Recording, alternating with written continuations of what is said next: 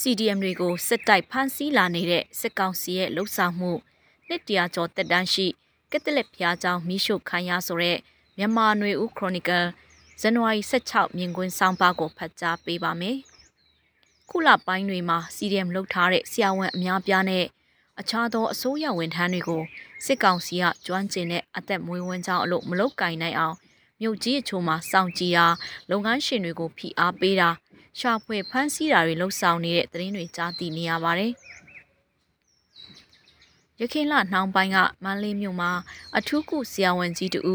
ပုတ်ကလစ်ကဆေးရုံမှာကုသမှုပေးနေစဉ်လူနာအသွင်ဆောင်ပြီးလာရောက်ဖမ်းဆီးခဲ့တဲ့အဖြစ်ပြက်သတင်းတွေထဲပါရှိခဲ့ပါတယ်။အဲ့ဒီဆရာဝန်ကြီးထိုင်တဲ့ပုတ်ကလစ်ကဆေးရုံကိုလည်းပိတ်ဖို့ညွှန်ကြားခဲ့တယ်လို့အခြားပုတ်ကလစ်ကဆေးရုံအချို့ပါပိတ်သိမ်းဖို့အမိန့်ထုတ်ခဲ့တာဖြစ်ပါတယ်။ အခုလိုဖြစ်ပွားနေတာဟာမန္တလေးမြို့တမြို့ထဲမဟုတ်ပဲရှမ်းပြည်နယ်မြောက်ပိုင်းရန်ကုန်ရှမ်းပြည်နယ်တောင်ပိုင်းစတဲ့မြို့တွေမှာလည်း CDM လုတ်ခဲ့တဲ့ကျမ်းမာရေးဝန်ထမ်းတွေပုတ်ကလစ်ကဆေးရုံမှာအလုံးလုံးနေခြင်းရှိမရှိကိုအရက်ဝက်ရဲနဲ့ထောက်လှမ်းရေးစောင့်ကြည့်နေပြီးလူမသိသူမသိဖမ်းဆီးခံရတဲ့ဖြစ်ရပ်တွေလည်းရှိနေတယ်လို့ကျမ်းမာရေးဝန်ထမ်းတွေရဲ့ပြောဆိုချက်ရသိရပါတယ်။မြို့နယ်အချို့မှာဆရာဝန်တချို့ကို CDM ဆရာဝန်ဟုတ်မဟုတ်ခေါ်ယူမင်းများနာတွေလည်းရှိနေတယ်လို့ဆိုပါတယ်။ CDM လှုပ်ရှားမှုဟာစစ်အာဏာသိမ်းမှုစန့်ကျင်တိုက်ဖျက်ရေးလှုပ်ရှားမှုရဲ့အနိုင်အရှုံးကိုအဆုံးဖြတ်ပေးတဲ့အရာမဟုတ်တော့ပေမဲ့စစ်ကောင်စီအနေနဲ့မြို့တွေမှာ၎င်းတို့ရဲ့အုပ်ချုပ်မှုအာဏာကိုပိုပြီးခိုင်မာအောင်တိစောက်ဖို့စ조사နေတဲ့လူရက်တစ်ခုအဖြစ်ယူဆရပြီးမြို့ပေါ်ကလူထုကိုအကြောက်တရားနဲ့ကျိုးနွန်လာအောင်စ조사မှုတစ်ခုလည်းဖြစ်နိုင်ပါတယ်။ ကျမ်းမာရေးဝန်ထမ်းတွေကစတင်လိုက်တာလို့ဆိုနိုင်တဲ့ CDM လှုပ်ရှားမှုကြောင့်စစ်ကောင်စီအနေနဲ့ကျမ်းမာရေးစောင့်ရှောက်မှုပေးတဲ့ဆေးရုံတွေကိုကောင်းမွန်စွာပြန်လည်ကောင်းမွန်စွာပြန်လည်မလဲပတ်နိုင်သေးတဲ့အခြေအနေကလည်းအကြောင်းတစ်ချက်ပါနိုင်တယ်လို့အဓိကချက်ကတော့မြို့တွေမှာ၎င်းတို့ပြန်လည်ချုပ်ကင်နိုင်ပြီးအာနာစစ်ကိုကောင်းစွာဖြန့်ကျက်နိုင်ပြီးဆိုတာကိုပြသခြင်းနဲ့ရည်ရွယ်ချက်ဖြစ်နိုင်ပါတယ် စီဒီယံဝန်ထမ်းတွေထဲမိမိတို့ကျွမ်းကျင်တဲ့အတက်ပညာကျွမ်းကျင်မှုနဲ့အသက်မွေးဝမ်းကြောင်းနိုင်ရက်တီအသက်မွေးဝမ်းကြောင်းနိုင်ရက်တီနိုင်တာဟာဆရာဝန်တွေတူနာပြုတ်တွေဖြစ်ပါတယ်ပညာရေးဝန်ထမ်းတွေဖြစ်တဲ့ဆရာဆရာမတွေအနေနဲ့ကျန်းမာရေးဝန်ထမ်းတွေလောက်အတက်ပညာနဲ့အလုပ်အကံရဖို့မလွယ်ကူပါဘူး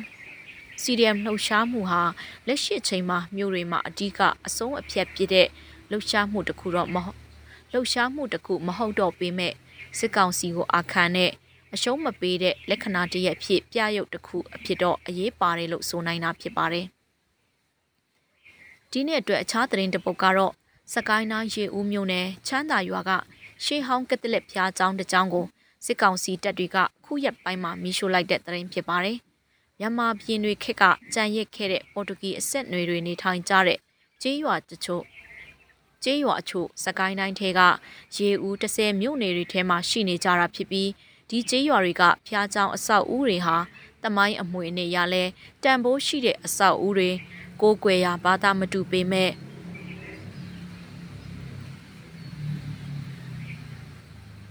ငိမ့်ချမ်းစွာအတူရှင်ထွဲနေထိုင်ကြတဲ့တာရကအဖြစ်ပါတန်ဖိုးရှိတဲ့ဖျားချောင်းအဆောက်အဦနဲ့ဒေသခံတွေဟာလဲစကိုင်းတိုင်းထဲက စစ်ကောင်စီစန့်ကျင်တဲ့အဖွဲ့တွေကိုခြေမုံနှိမ်နှင်းရေးမှာချွန်းချက်ဖြစ်ရှိမနေပဲမိရှုဖြစ်စည်းခံရ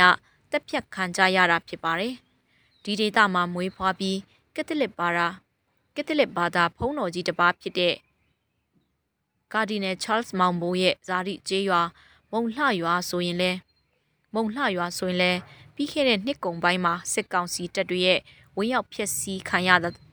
ဝင်းရောက်ဖျက်ဆီးခံရတယ်လို့ ကျေးရွာသားတွေထဲကလည်းတပ်ဖြတ်ခံရမှုတွေရှိနေတာဖြစ်ပါတယ်ဒီဖြစ်ရက်တွေဟာနိုင်ငံရေးစစ်ရေးဒီဖြစ်ရက်တွေဟာနိုင်ငံရေးစစ်ရေးဖြစ်ရက်တက်တက်တာမဟုတ်တော့ပဲစစ်ကောင်စီကဘာသာရေးကိုပါရည်ရွယ်ဖိနှိပ်လှုပ်ဆောင်နေတဲ့လုပ်ရက်တွေဖြစ်နိုင်ငံတကာကရှုမြင်ကြလိမ့်မှာဖြစ်ပါတယ်ရှင်။